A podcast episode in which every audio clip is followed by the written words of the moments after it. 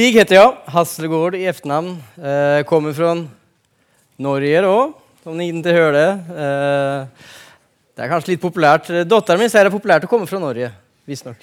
Efter skam eller någonting, jag vet inte. Ja. Eh, men eh, och vad jag gör, jag jobbar som rektor jag, i en eh, F6-skola i Ängelholm. Eh, och uh, har en familj på tre barn och en fru, en liten hund och ja. Ja, vad jag gillar ska jag säga. Ja. Ja, vad gillar jag gör? Eh, skidor är väl det som jag gillar allra bäst. Ja, Vilken förvåning. ja eller hur? Så är det. Vi, eh, innan du börjar predika så vill vi gärna be för dig och jag leder oss i bön. Herre, vi tackar dig för att Stig är här ikväll och tack för att du har utrustet utrustat honom eh, med en gåva att tala om dig. Herre, så hjälp honom att predika ditt ord rent och klart, Herre. Låt oss få lyfta blicken och se dig ikväll genom Stig. Utrusta honom med det som han behöver. Kom med din helige Ande. Hjelp oss, du som är hjälparen. I Jesu namn. Amen. Varsågod Stig. Tack. Ja. Härligt. Det här med språk är jättehärligt, tycker jag själv. Alltså inte att jag är norsk och pratar norska, det är inte så jag tänker, men det, det här med språk är ju rolig. roligt. Um, vi hadde en samling med personalen i går, og sen skulle vi prate om olika länder och så. Og jeg skulle ha en tipsrunde. Og så kom vi fram på det her med et land som ligger i Afrika, du vet som spiller reggae og så. Det den landet heter ja, Jamaica, sier vi i Norge. Og all personalen skratter jo, for ni sier Jamaica. En gang til. Jamaica, Jeg sier Jamaica. Eh, Litt mer mjukt i Norge kanskje. Jeg vet ikke. Vi får se. Tema i kveld, det er Lyft din blikk. Jeg jag vet ikke hur det er med dere, eh, men jeg kjørte en øvning en gang eh, hos noen gymnaslærere. Jeg hadde en forelesning for dem og så skulle vilja ha deres oppmerksomhet, så jeg sto framfor dem og så sa jeg Nå vil jeg at dere ni tittar på meg, sa jeg. Og precis som jeg gjør hos dere nå, så ser jeg mange av dere, men visse av dere sitter kanskje ned på telefon og gjør annet samtidig som jeg pratar. Eh, Den gangen så har vi precis fått datorer, disse lærerne. Og du vet, lærere er ikke annerledes enn hva ni är. Eh, Så de satt bak datorerna og tittet i stedet for å lytte på meg. Så jeg sa, da stenger ni lokket, sa jeg. Det kanskje ni har opplevd själva at en lærer har sagt det. Og de aller fleste stengte lokket nedåt. Sen var det en lærer som ikke gjorde det. Och jeg som rektor da ble jo litt provosert. Eh, Man skal jo lysne når en sjef pratar. Eh, Så jeg gikk bort til denne, denne eh, läraren och så tok jeg faktisk lokket fysisk og stängde. Dunk. Han ble inte glad. Han hadde jo en kjensle på det at liksom han skulle bare gjøre noe innan han lysna på meg. Eh, och den ofte kjenner jeg som person och Jeg skal bare. Eh, frugan eh, säger det er middag. Ja, jeg kommer. Jag skal bare' Og så drøyer det jo. Så ufattelig irriterende for den som står og venter, eller hur? Jeg vet ikke om opplevd det noen gång, det her 'jeg skal bare'. Jeg opplever det ofte i alla fall. Ta med den følelsen litt når vi skal titte på dagens tekst, som er altså lyfta din blikk'. Vi skal lese teksten i dag. Og den är hämtad från fjärde, Mo, 20, nei, fjärde Mosebok var det ja, kapittel 21. Teksten kommer der om du ikke har en bibel med dig. Fjärde Mosebok kapittel 21, versjonene 4-9. Og rubriken dag er kopparormen. Og Der står det så her De brøt opp fra berget Hor og tok vegen mot Rødehavet for å gå omkring Edoms land. Men under vegen ble folket utålig. Og folket talade med Gud og mot Mose og sa Hvorfor har ni ført oss opp ur Egypten så at vi måtte dø i öknen? Här fins jo verken brød eller vatten og vår sjel avskyr den elendige mat vi får. Og Da sendte Herren giftige ormer blant folket og de bet folket og mange i Israel dog. Da kom folket til Mose og sa, vi har syndet gjennom at vi talade mot Herren og mot deg. Be til Herren at han tar bort disse ormer fra oss. Og Mose ba for folket, og Herren sa til Mose, Gjør deg en orm og sett opp den på en påle. Den som har blivit ormbiten och ser på den ska leva. Mose gjorde då en kopparorm och satte upp den på en påle. Och någon blev biten av en orm, fäste han blicken på kopparormen och fick leve. Så lyder Herrens ord. Gud, vi takker deg. Dette er en fantastisk berettelse, faktisk, som er gammel, eh, men som sier veldig mye om hvordan det er å være kristen i dag for deg og meg. Og Det skal man ikke alltid tro kanskje når man leser gamle tekster, men så er det med denne teksten her. Men for å forstå denne teksten også, så måtte vi også sette den i sammenheng. Eh, det prates jo om et land her, Edom, som eh, Israel måtte gå om. Om vi leser kapittelet innan, så kan vi lese om kungen Edom som faktisk neker Mose å gå gjennom sitt land. Mose har da hele folket med seg, og han vil jo bare framåt, for han vil til Kanans land og komme dit. Men kungen Edom han sier nei, tyvärr, du får ikke komme hit. Og Så sier Mose ja, men om, går, om vi går på denne veien her, sier han Vi kommer ikke drikke og ikke ete, men vi skal bare gå på den veien og rakt gjennom landet. Kan ikke vi gå her da? Så sier kungen nei. Og Sen blir jo Mose og Israels folk blir jo irriterte på det, men da skikker da Edoms kung ut en hær til dem, og så måtte de vende. Og det er så at De vender jo om. De å gå bakåt der de kom ifra. Så fantastisk irriterende. Å komme noen sted så du vet du skal dit, og så må du gå tilbake. Og langt tilbake må de gå innan de kan gå mot Kanan igjen. Så det er ikke helt konstig at de her blir arge, det her folket som er der. Og hvis du legger på da, i tillegg så har de dårlig med mat, tykker de. De har ingen drikke, tykker de. Og de får noe som heter manna fra øken, som de ikke gillar lenger. Da blir de arge. Eh, Sen kan man jo på den andre siden forstå det så her at eh, de har opplevd så fantastisk mye med Gud, det dette folket i Israel. De har jo fått kommet ut av Egypten. De har gått gjennom Rødehavet, precis som vi så her på Strandheim. De delte bare Rødehavet og gikk rakt gjennom. Og de har opplevd så fantastisk mye sammen med Gud. Så da tenkte man ja, men skulle ikke det vegge opp på noe sett? At de liksom kjenner ja, men Gud er jo med meg. Gud er med oss. Men det gjør ikke det.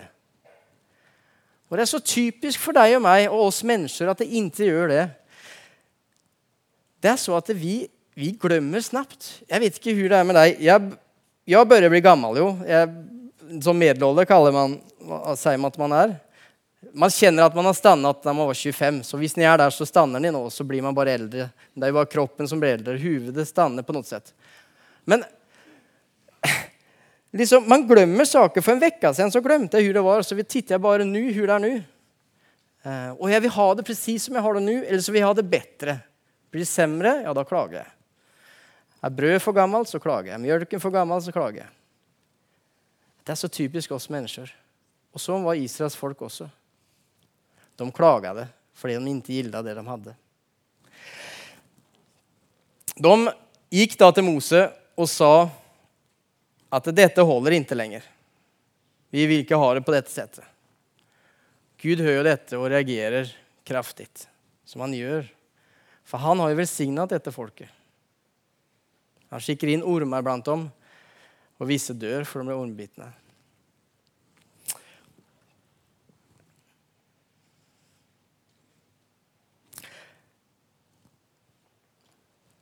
De her som ble ormbitne, de hadde én mulighet, og det var å titte mot kopperormen. De forsto at det ikke fantes en annen mulighet for dem. Når de var der og hadde blitt bitt av ormen, de ble mer og mer syke. Og så var det kopparrom de skulle titte på. Men tenk deg den første som gjorde det. Det var en hel jättestor skara, og de ble bitne. Og så sier Mose, 'Titta her på den kopparormen'. Jeg undrer hva de tenkte. Fake news, tenker jeg. Titta på en kopparorm. Men de hadde testet alt av lekedom. De visste alt mulig. For Det hjalp ikke. De dog ennå. Så sier Mose, 'Titta på kopparormen'. Og jeg kan tenke det ingen gjorde det. Jeg vet ikke om jeg hadde gjort det. Men så er det én som gjør det. Hva hender da? Det sprider seg som løpeld. Han blir frisk. Og det er en til som gjør det. Han blir frisk. En til. Hun blir frisk. Så sprider seg under hele legeret. Du må også titte på kopparormen. Og Det er så tydelig kobling til hvem kopparormen er for oss, og hva, hvem det er. Fordi det er jo Jesus som henger der, som har tatt plassen i stedet for en kopperormen.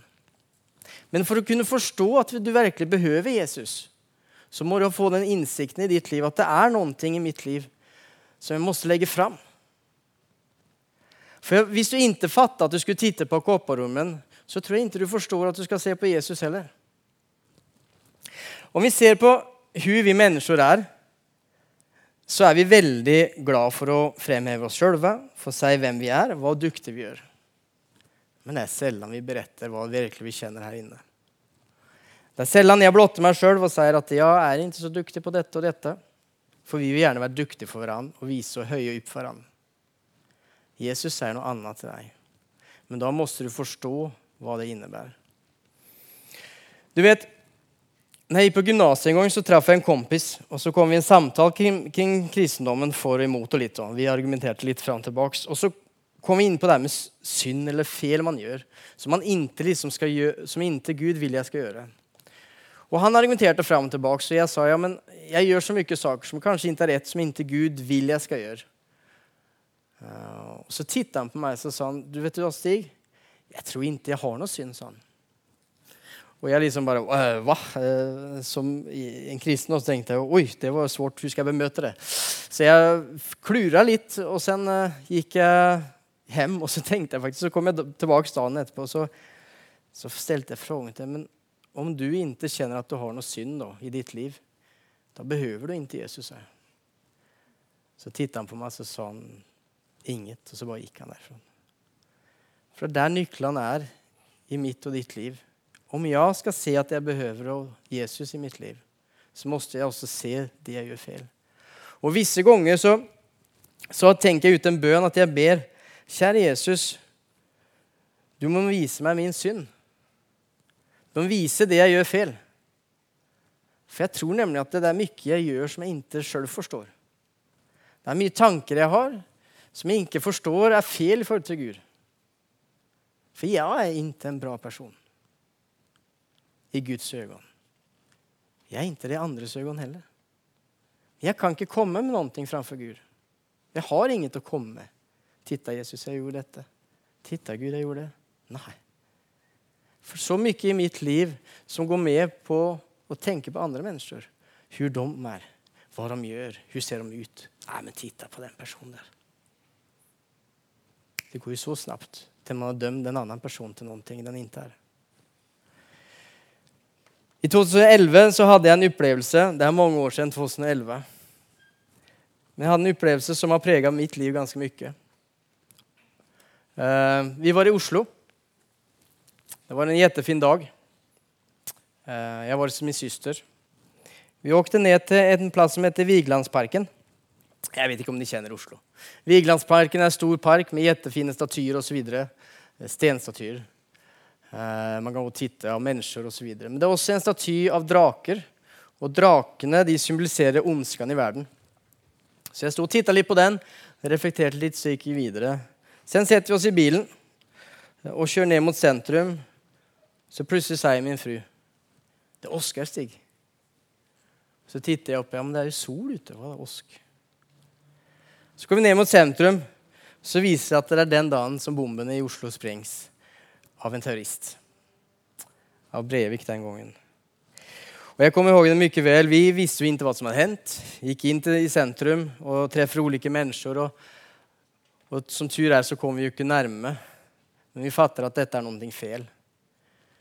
Så vi går tilbake og går inn i parkeringshuset. Og da kommer en person mot meg med arabisk utseende. Hva tror du jeg tenker? Det der kan jo være en terrorist, tenker jeg. For jeg fatter noe feil. Så jeg passer på å ta bilnummeret til personen osv.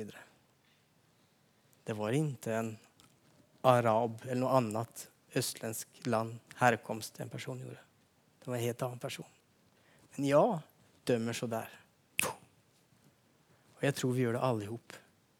Vi dømmer andre mennesker så utrolig snabbt uten å vite hvem de er, hva de har i sitt liv, hva de har med seg. Vi kan ikke komme med noe framfor Gud, Han som har skapt oss alle sammen. Vi gjør feil, og det er viktig å, å, se i vårt liv at vi gjør feil. Så den bønnen 'Herre, viser meg min synd', den er leskig. For den kan avsløre jettemye hos deg, men den er nødvendig for å se og komme til Herren, til Jesus.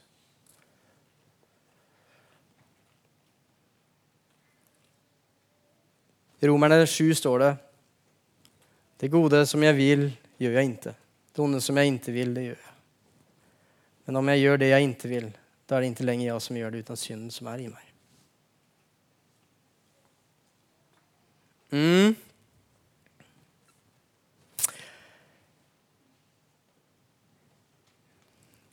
Israelittene hadde kommet til legeret.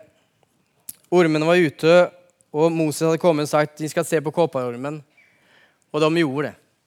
De bør se på kopparormen, og flere og flere av dem ble friske. Men det er så med denne kopparormen som sto på en stav. Man kunne ikke se den overalt i legeret. For lå du nedafor et telt, så så du kanskje ikke opp på kopparormen. Og hvordan skulle du bli frisk da? Du var forlamet, for du er biten av orm. Du kan kanskje ikke gå. Da er det noen som tar tak i deg og bærer deg fram, så du kan se blikket mot kopparormen.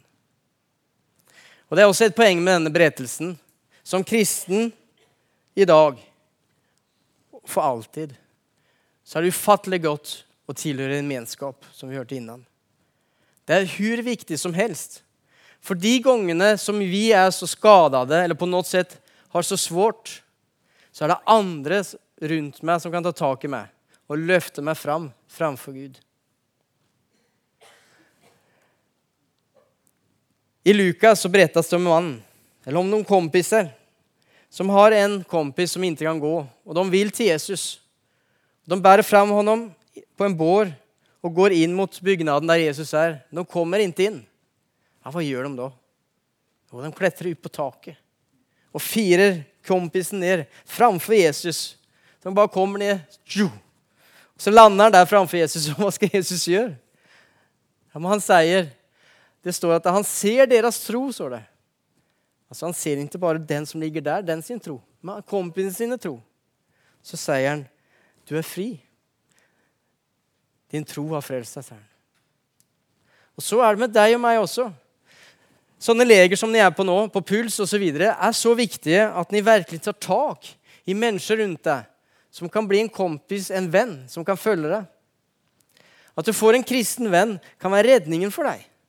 Det kan være skillnaden på å være kristen om 20 år eller ikke.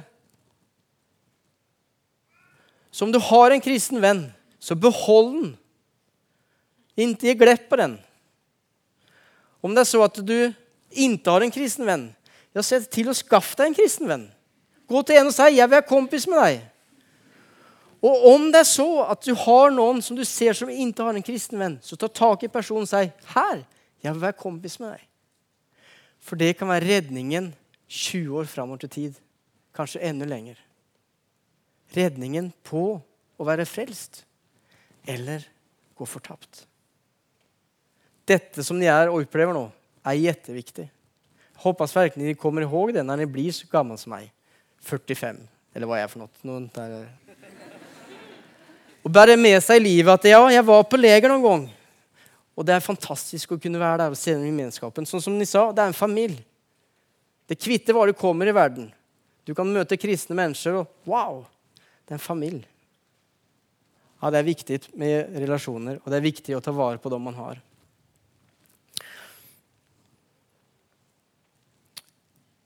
Det er en litt rolig poeng ved berettelsen også. Det er jo at, is, at folket i Israel de ber Gud om noen ting, men han gjør ikke det. Altså, De sier til Gud at dette er fruktansvært, Herre. Vi vet vi har gjort feil. Du måtte redde oss. Ta bort ormene, sier de.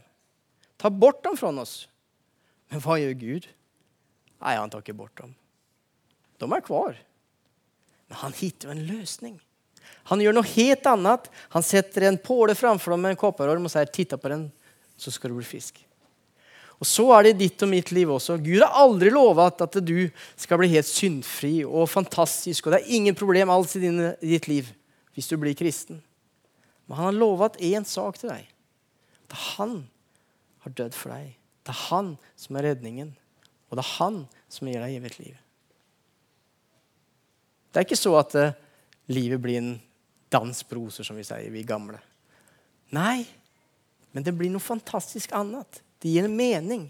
Det gir noe som du kan komme med i hele livet ditt. Noe du kan dele, og noe du kan blikke fram for etter dette livet. Og treffes der himmelen er. Gud er jo ingen menneske. Gud gjør ikke som du og jeg vil. Da hadde han jo vært en eh, leskautomat. Man trykker på fem kroner. Ja, det koster mer kanskje en burk. Ti kroner koster den, og så får du Pepsi ut eller Cola eller hva du skal ha. Og trykker du på Fanta, så får du det. Men han er ingen sånn. Du kan koble på putte på 10 kroner eller 100 kroner. Det kommer kanskje ikke ut det du vil ha. Men det er noe helt annet han erbyr deg. Det er et liv som gir mening. Et liv som gir noe å blikke fram imot. Et liv som sier ja. Dette er meninga. Og han vokser det, og du vokser i honom. Det er et fantastisk liv som han gir deg. Men du måtte feste blikken. For det er første utmaning, utmaning til deg.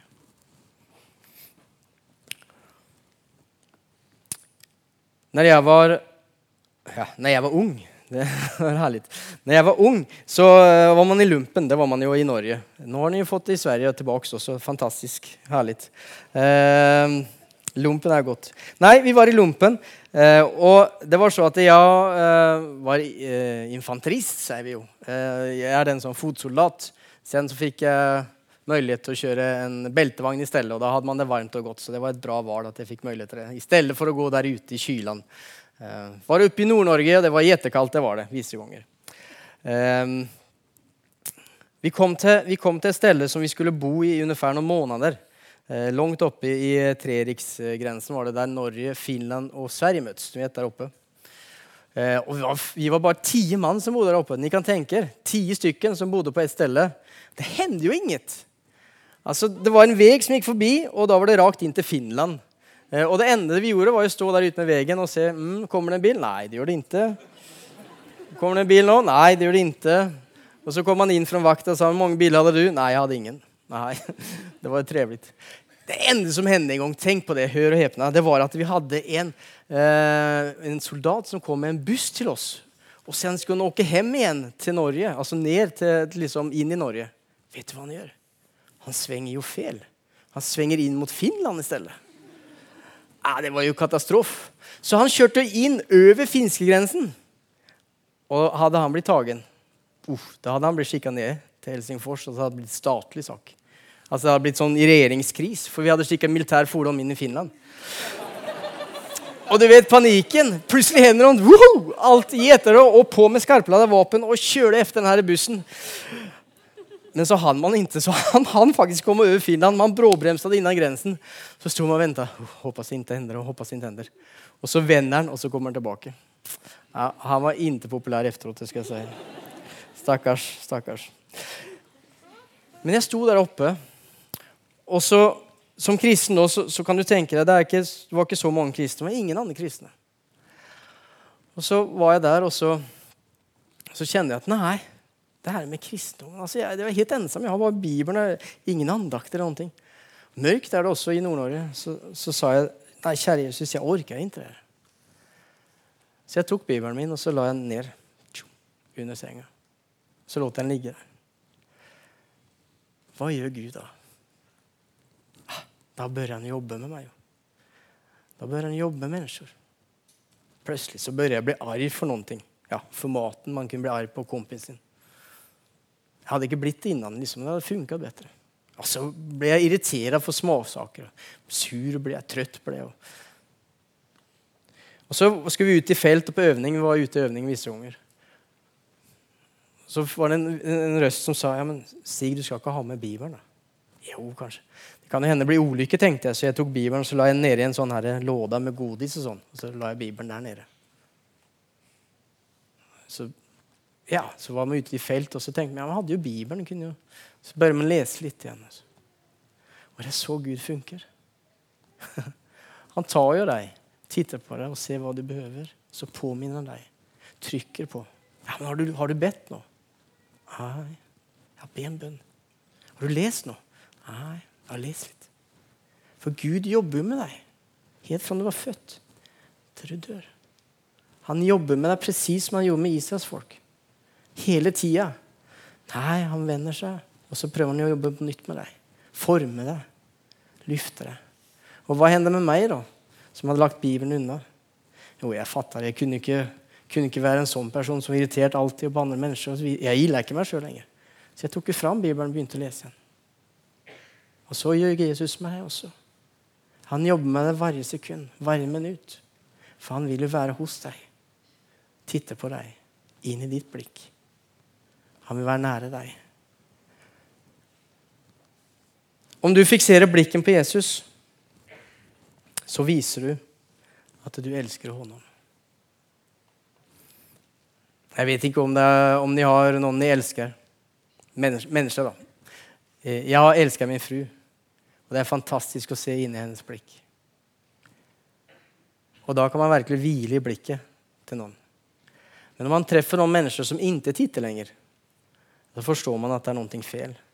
Så når hun eksempelvis og vi titter, og jeg sier til henne 'Å, jeg elsker deg, kjære pappa'. Du vet, som rødt. Og hun bare 'ja', og, så, og vender blikken bort. Da fatter man 'oi, hva har jeg gjort nå for noen ting'? Men Jesus han ser inn i dine øyne, titter på deg, han sier alltid tilbake 'Jeg elsker deg'. Han kan si det innan du sier det. Det er aldri han tar blikken bort fra deg. Han titter rakt inn i dine øyne, så sier han 'Jeg elsker deg'. Det er nåde. Det er underbar nåd.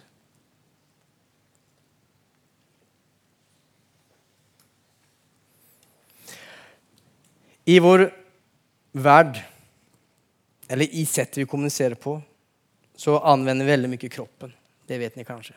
80-90% er kroppsspråk. Det er ikke bare det ni hører. Dermed lyfte blikken, som er tema. Det kan man gjøre på ulike sett. Det fins mennesker i livet, også ja, som i stedet for å gå med senkt blikk, kanskje går med blikket rakt opp.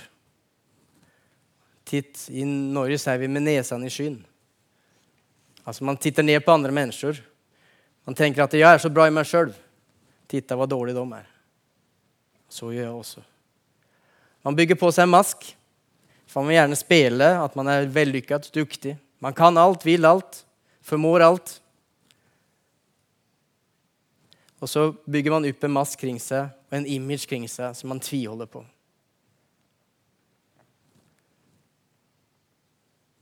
Du behøver ikke det. For når du løfter blikken mot Jesus, så sier du samtidig at jeg kan ikke alt. Jeg formår ikke alt. Men jeg er den jeg er. Herre, hjelp meg.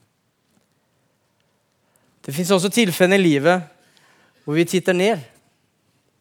I stedet for å titte opp og feste blikken mot Jesus, ja, så ser jeg ned i stedet. Men vet du hva? Du er ikke skapt for å titte ned alltid. Jeg vet ikke hvor mye ni som er yngre enn jeg, følger med på sånt her med med mobilnakke og sånn. Har ni hørt det? Man kan få mobilnakke om man går så hele tida. Foruten at man kan trille i en pol og så, så, så kan man få bilnakke. Men vet du hva? Det betyr jo at du går på feil sted. Du anvender kroppen feil. For nakken her tar stryk om du titter ned hele tiden. Og du får vondt. Gud har ikke skapt deg for å titte ned. Han har skapt deg for å se på honom titte ut. Her i somras så vandra vi i fjellet. Eh, og eh, vi skulle opp på en eh, høg, høg topp. Eh, og vi gikk på et led. Eller en sti heter det. Eh, og den var markert med sånne ulike markører, du vet, så du skal finne veien. Det har vi i Norge også, faktisk og jeg gikk og och tittade efter dem eh, och det gikk rett så bra i børjan, Slakt var det. Men sen begynte vi å klatre, og jeg ble trøttere og trøttere. Da begynte jeg å titte nedåt. Fordi man gjør det når man er trøtt. Hva hendte, tror ni? Jo, jeg tippa jo bort de her markørene. Plutselig skjena jeg i vei uten jeg visste det.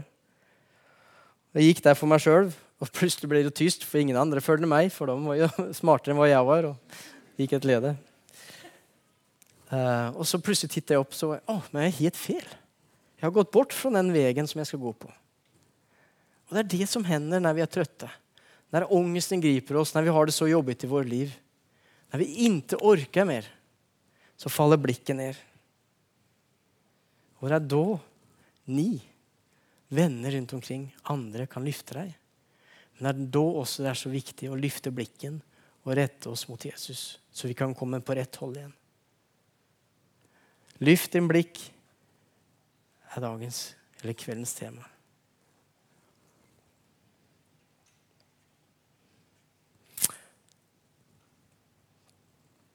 At det hjelper deg å løfte blikken, da fins det litt uh, jättemånga ulike forslag man kan gjøre.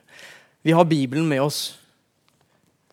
Og har du ikke her, så har du kanskje mobilen osv. Uh, men her er det hvor mye som helst som kan hjelpe deg å holde blikken fest på Jesus når du har det svårt. Uh, og når du har det bra. Men det fins litt andre symboler også som jeg tenkte kan hjelpe oss. Og jeg, jeg tenkte litt på kopparormen. Nå skal vi se om vi får teknikken til å fungere her. bare så jeg, Nå skal jeg hacke meg inn på den telefonen. bare. Skal vi se om jeg har rett kode. Oh. Nei, men der har vi noen ting, Skal vi se. Nei, var det feil? Ja. Nå skal vi se om vi kommer inn her.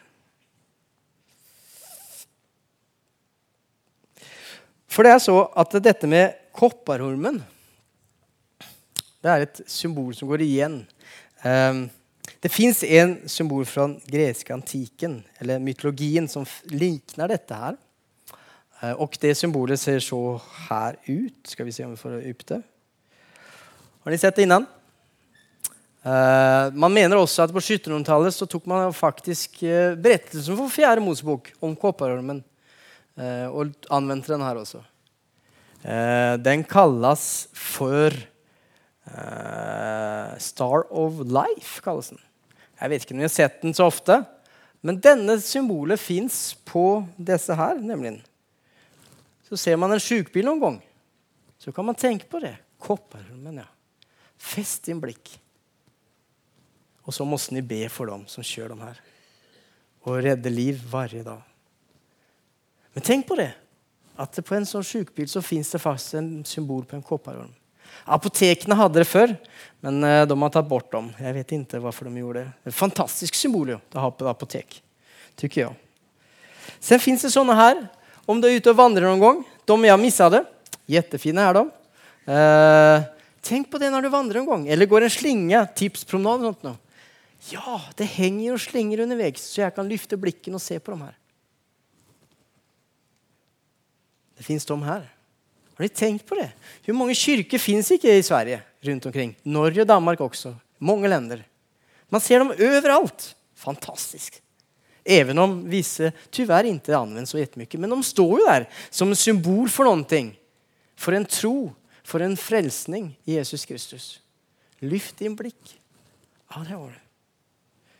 Og så har vi sånne fantastiske som det her. Dette er mitt misjonshus i Engelholm. Er det ikke vakkert? Mm. Ja, det er herlig.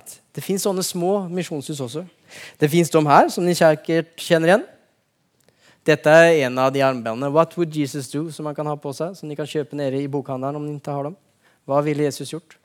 Aha, lyft din blikk. Fest dine øyne på Jesus. Det fins de her. Vet ikke om dere ser den lille symbolet bakpå bilen. Eh, en fisk som man anvender, eh, og som også er en symbol på kristendom. Mange biler som har dem. Fins det kristne i kristendom. Mm, lyft din blikk. Så fins det dette symbolet her, som er fantastisk. Skal vi se om vi får det fram. Nei, det var dårlig. Det kom ikke fram sist. Kan du ta fram siste der nede? Der kom det. Korset. Et tomt kors som viser at frelsningen fins i Jesus Kristus og ingen annen.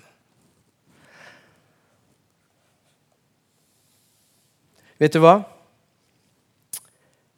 Berettelsen om kopparormen som vi har lest i dag, handler om at du måste forstå at du behøver Jesus. Det er ikke gjennom et ormbett som skal få deg til å lyfte blikken, Men å forstå at Jesus er avgjørende i ditt liv for å hele deg, for at du skal være en menneske som Gud har skapt i sin bild og leve som kristen. Det fins bare en redning, og det er Jesus. Jeg vet ikke hvor mye ni er interessert av politikk. Følger ni med på Almedalen f.eks.? Det var en fantastisk hendelse dette året. Det er ikke så mye det er fantastisk kanskje som hender der. Men det var litt fantastisk i år. Fordi man skulle diskutere utenforskapet i førortene. Og da hadde man invitert han Sebastian, hva heter han, fra Kartell. Stakset, ja, Fra Kartellet. Og han har jo levd et forferdelig liv, men han har blitt frelst og er kristen. Og och han skulle svare på frågan, ja men hur ska vi rädda utanförskapet i förorterna? Og de politikerne diskuterer i løsninger. Og det er bra. Politiken er bra sånn. så ni kan hitte løsninger, hitte hjelp og hjelpe mange mennesker. Og så får eh, Sebastian ord og så sier han, det er ett svar, sier han. Og det er Jesus. Og du vet, politikerne står, ja, mm. Och da griper jo Sebastian sjansen og prediker enda mer til dem. Han sier at 'jeg var helt nede, det er ingen som har hjulpet meg'. Alle metoder har ikke hjulpet noen ting. Enda som hjelper meg, er Jesus. Om det er noen som skal redde utenforskap i førorter, så er det Jesus. her. Mm. Og så er det jo. For det er så ofte vi tenker på andre saker først. Så etter han kommer, ja, ja, så ber vi en bønn for Jesus. Men det er jo motsatt vi skal være. Om du møter noe feil eller noe svårt i ditt liv, då er det Jesus først. Om kjære Jesus, har brakt benet. Hva skal jeg gjøre? Gå til legen, sier han. Ja, bra, härligt. Wow, jeg blir frisk. Ja, men ser ni? Vi måtte komme til Jesus først. Det er ikke den siste vi skal komme til. Han har vært på 15 ulike behandlinger. Jesus. Jeg vet ikke hva, det hjalp inget. Hva skal jeg gjøre? Be mer, sier han da. Så får vi be enda mer. Så er det ikke säkert om man blir frisk heller. Men det første du skal gjøre, er å komme til Jesus. Det er han som har skapt det. Det er han som kan redde deg. Så fins det jättemånga andre herlige metoder som også kan hjelpe deg på veien, som han velsigner.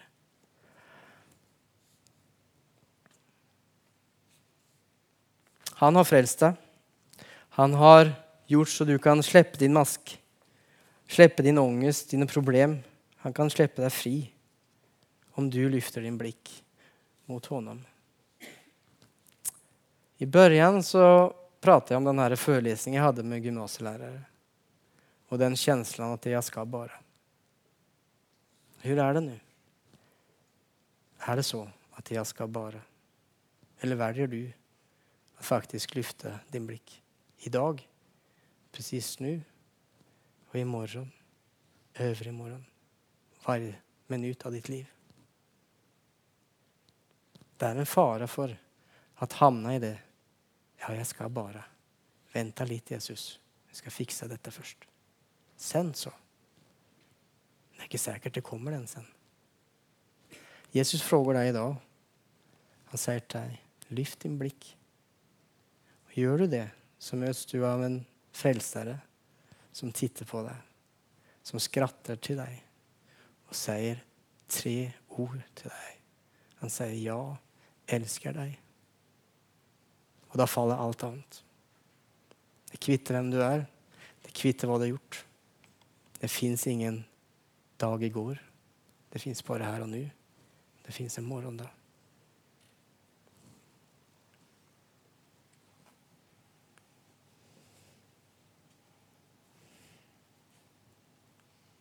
Om du derfor med din munn bekjenner at Jesus er Herren og i ditt hjerte tror at Gud har uppväckt honom från de döda så skal du bli frelst. Vi ber. Kjære Jesus, du kjenner meg.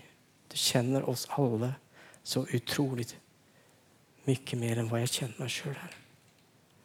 Kjære Jesus, du kjenner hver hårstrån og huver. Du kjenner våre tanker, Jesus.